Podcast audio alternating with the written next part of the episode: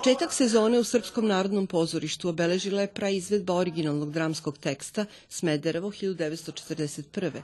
rediteljke Ane Đorđević. Jasno, ali ne jednostavno, možda čak jednostavno, ali ne jednoznačno, emotivno, ali ne patetično. Ona ispreda priču o pogibi 17 glumaca Srpskog narodnog pozorišta u snažnoj eksploziji magacina municije vojne opreme i goriva u Smederevskoj tvrđavi samo mjesec dana od početka drugog svjetskog rata 5. juna 1941 godine.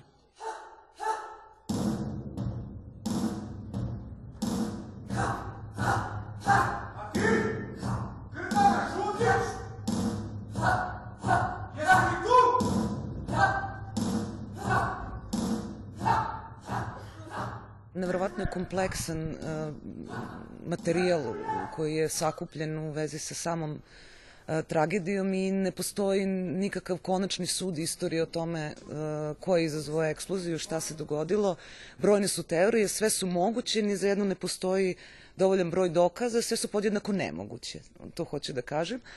Ali pošto mi nismo istoričari, ne bavimo se tom vrstom, ja se kao reditelj ne bavim tom vrstom teatra, e, da dokumentarizam prosto da, da se bavim dokumentarnim teatrom, ne, bar ne u ovom slučaju. Meni su sve te brojne teorije bile povod da ja dam svoje objašnjenje toga šta je izazvalo eksploziju, odnosno zbog čega je poginulo toliko ljudi, odnosno u ovom slučaju zbog čega je poginulo 17 glumaca Srpskog narodnog to su naše kolege, koji nisu tako davno, ni, to se nije tako davno ovaj, dogodilo, gledajući se istorijske perspektive, to je praktično preključe.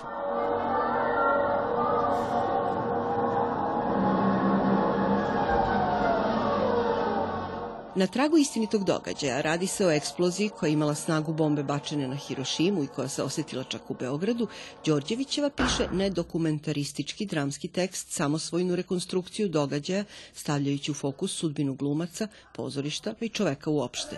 Budući da nikada nije dokazano šta se zaista dogodilo tog 5. juna, ona koristi tragični povod da kroz kriminalističku istragu, klasični triler Zamajac, pokrene traktat u slavu čitavog glumišta. Progovori o položaju glumca u teškim, zlim vremenima. Hoću da umrem od tuge za njim.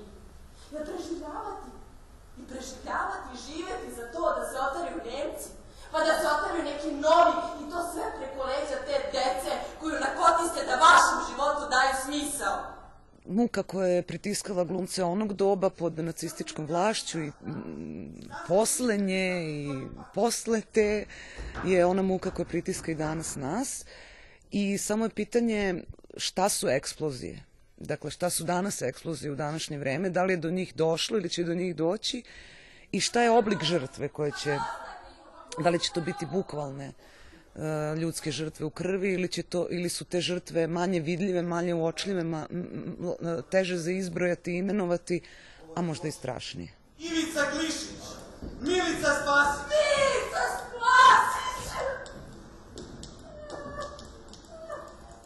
Evocirajući posljednji dan u životu svakog od novosadskih glumaca pristiglih tog fatalnog dana po platu Crkavicu, koja se isplaćivala u centru tadašnje Dunavske banovine Smederevu, autorka plete mrežu etida na temu glumačkog znoja, predrasuda koje nosi taj poziv istovremeno stežući omču rastućeg nacizma oko vrata svakog od njih i dajući nam na znanje da bi do eksplozije došlo kad tad, pre ili kasnije, jer je takav usud, jer igra nebeskih staklenih perli, scenograf Željko Piškorić neumitno vodi eksploziji prasku, a on je početak i kraj svega. Ipak predstavu iz metafizičkih visina, ako Dane Đorđević se uvek radi o finom osjećaju za pozorišni jezik i stilizaciju, u stvarnost vraća spisak imena poginulih glumaca koji dopire sa zvučnika u zamračenoj sali, na polzu pozorišta. Slava im!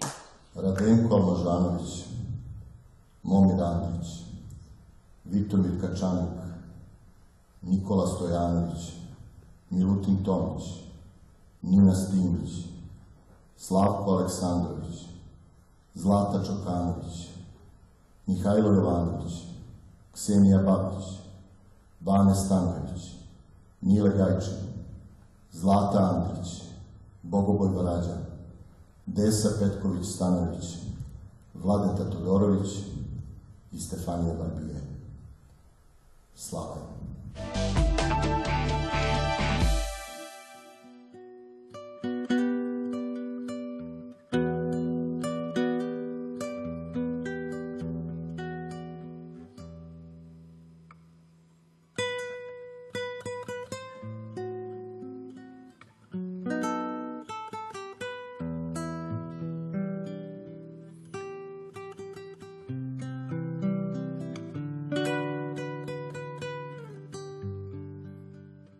Zašto bi danas, kada su ispisani brojni in memorijami i kad je odlazak one koja je živjela više života od jednog i bila nešto manje smrtna nego što je zapravo bila, zašto bi ipak taj dolično odrađen ispraćaj širom bivše nam domovine pobuđivao i dalje četiri meseca kasnije jednako žive reakcije i potrebu da se iznova govori o neponovljivoj dramatuškinji, direktorki Centra za kulturnu dekontaminaciju, neprijateljici i prijateljici, veštici, izdajici, aktivistkinji, kolumnistkinji Borki Pavićević. U čemu se sastoji legat one koja je sva svoja iskustva i nastojanja ulila u osnivanje Centra za kulturnu dekontaminaciju koji uskoro obeležava četvrt veka rada. Razgovaramo sa Anom Miljanić, njenom saradnicom i prijateljicom.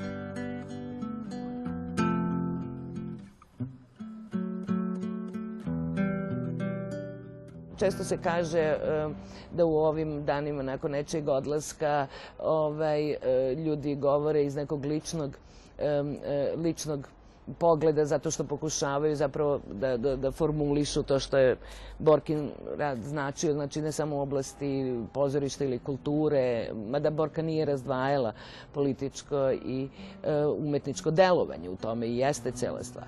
Ali izašao je jedan neverovatan broj autorskih tekstova koji naravno ne tvrde iste stvari. Ja mislim da je ta mogućnost Borkina da go mnogim ljudima e, znači ili obeležava različite stvari u nastojanjima uvek, kao što kažete, formulisanje kulture otpora, kulture slobode, e, e, e, borbe protiv zločina, kritičke reči i umetnosti.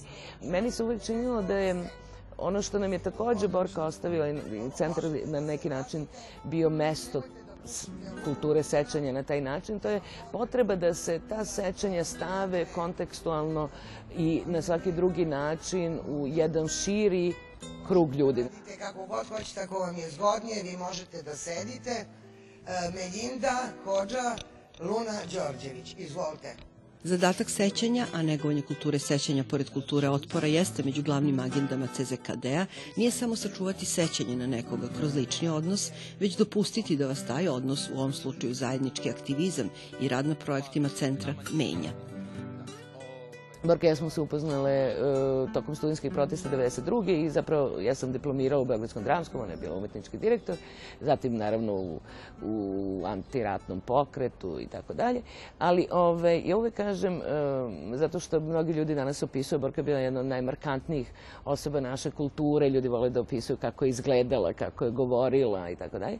I uvek kažem da mislim da sam je prvi put zapravo čula u pozorištu, jer Borka je bila jedan od najprisutnijih gledalaca u pozorištu, da, kroz njene komentare koji nisu išli protiv predstave, nisu ometali predstave, ali ona se u pozorištu uvek mogla čuti.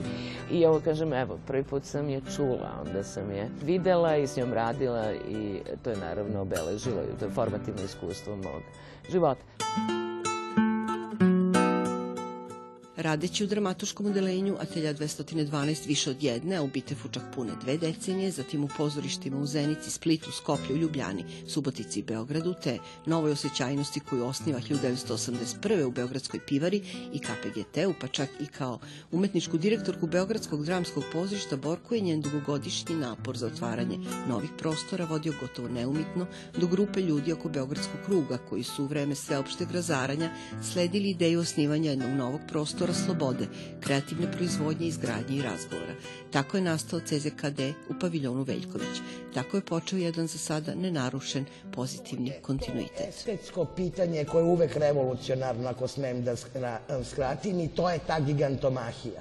Ono što na neki način e, obeležava rad Centra za kulturnu dekontaminaciju, koji je sinonim za Borkino prisustvo ovde. Znate, to je, ovaj, ljudi mogu da kažu ko će biti nova Borka Pavićević. Pa niko. Ovaj, mislim, ta zamisao je recimo jedan od razloga što institucije ne, ovaj, ne, nemaju, ovaj, nemaju dve generacije. Jel? I uh, ono što ja mislim da je važno, to je da se ne samo nasledi, što bi se reklo nešto, nego to je ovo kao i pitanje oca. Pitanje razumevanja sudbine onoga proteklog je prvo pitanje. A drugo pitanje da i tvorci, mi smo u stvari sada u procesu rada na arhivi, izdavanje na knjige o radu prvih 25 godina centra, da i tvorci su ti koji na neki način treba da zaokruže neke, neko svoje delovanje i da ove nove interpretacije ostave zapravo novim interpretacijama.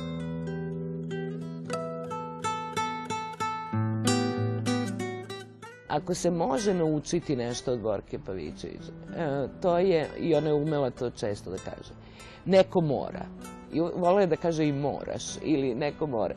Ja sam shvatila to um, na ovaj način. Nekada, čak i kada do kraja nismo sigurni da želimo da artikulišemo neke stvari, one moraju biti artikulisane onda kada im je vreme. Mora se. Ovom jednostavnom porukom prenosimo srž razgovora sa Anom Miljanić i dajemo odgovor na pitanje sa početka rubrike šta je zapravo legat Borke Pavićević. Upravo poziv da se na životnoj sceni žive sobstveni ideali.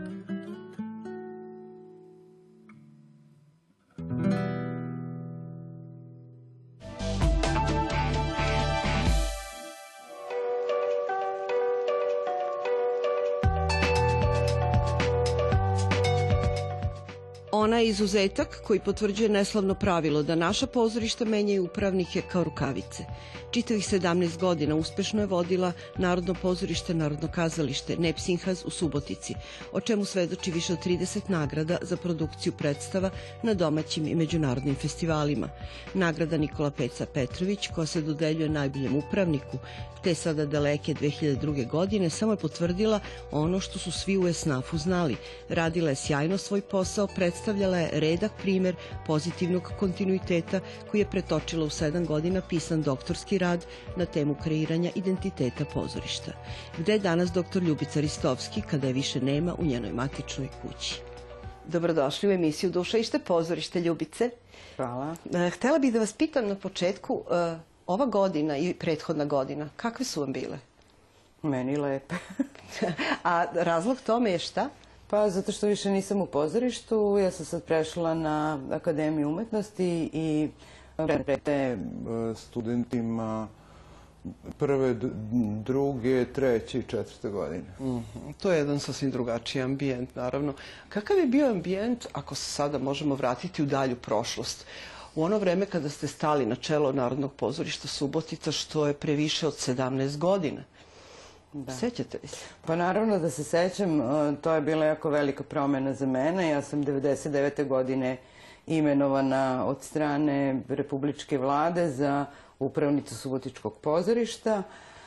A, nasledila sam svašta.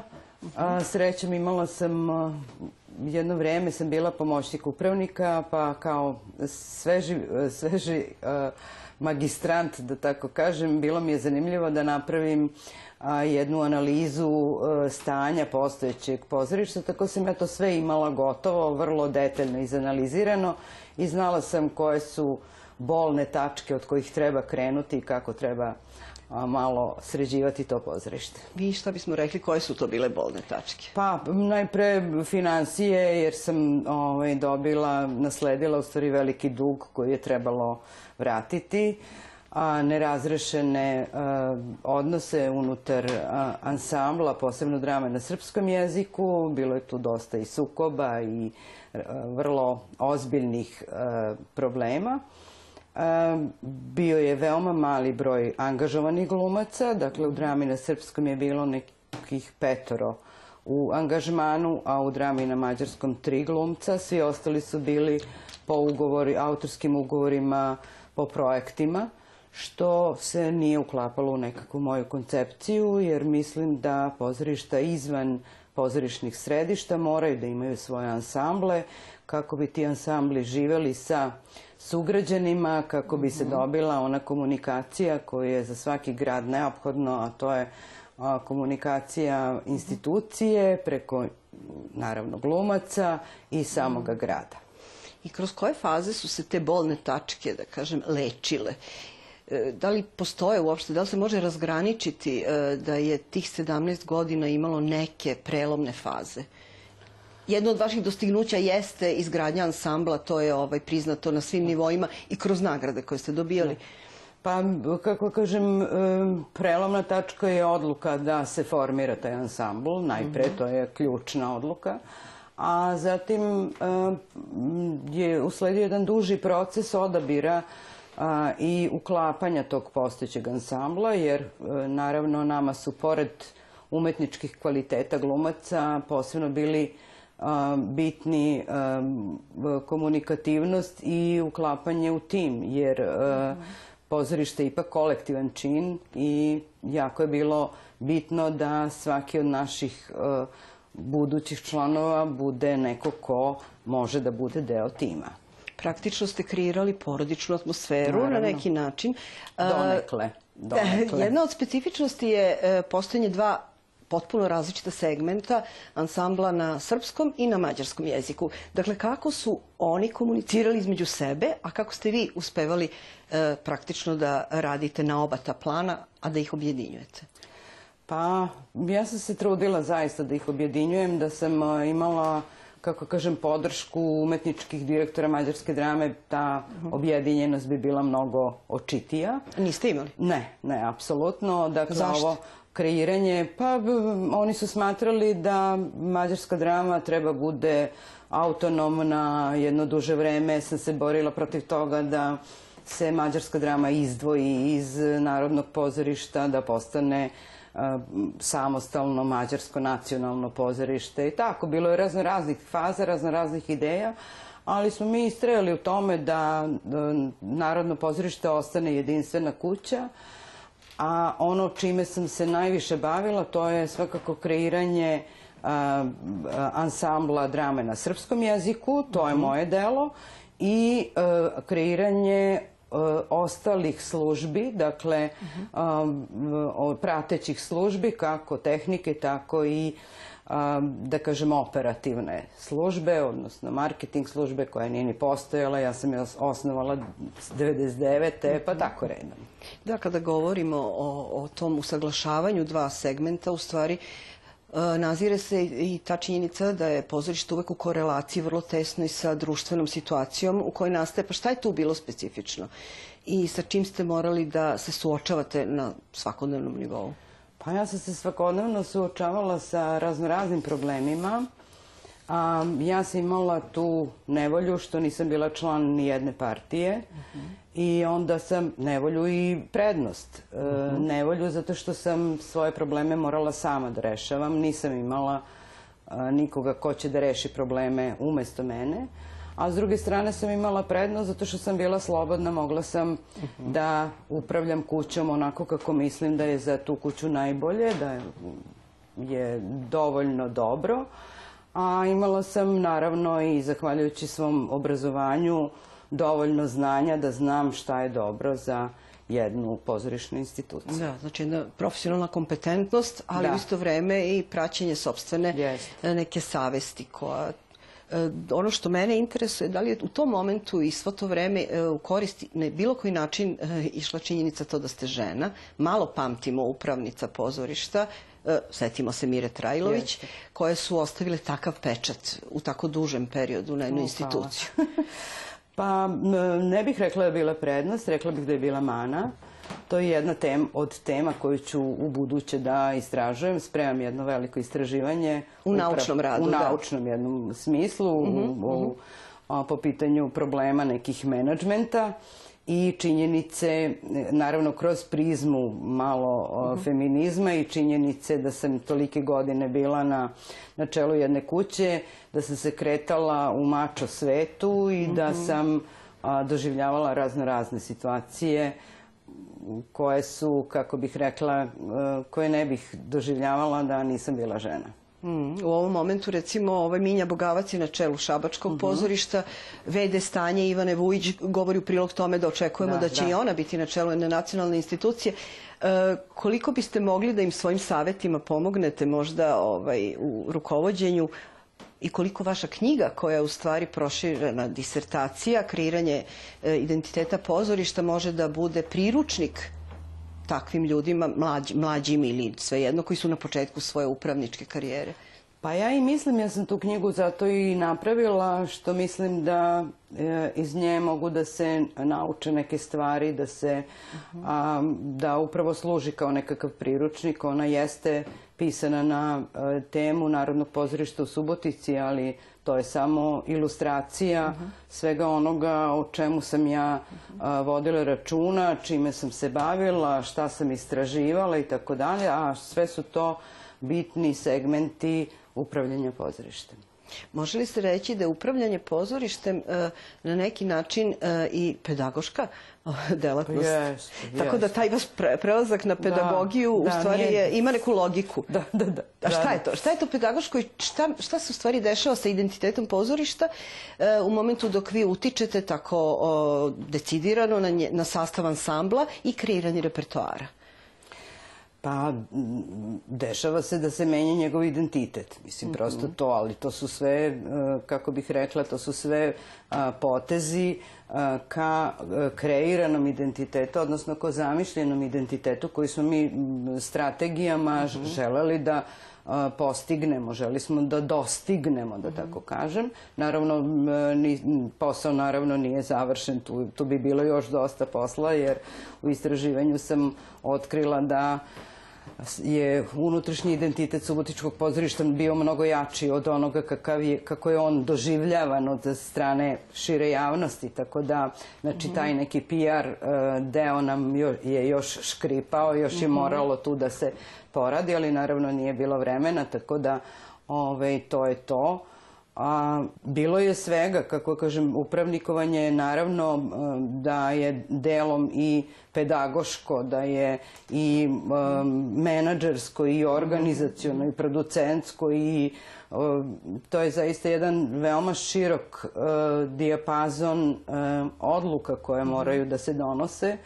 Tako da kažem, je neophodno najpre, naj, neophodan je stručni trening, da tako kažem, odnosno obrazovanje pre svega, ali lično sam sve više uverena i sad evo kako radim ovde dve godine da je ovaj, da za produkciju treba imati i malo talenta.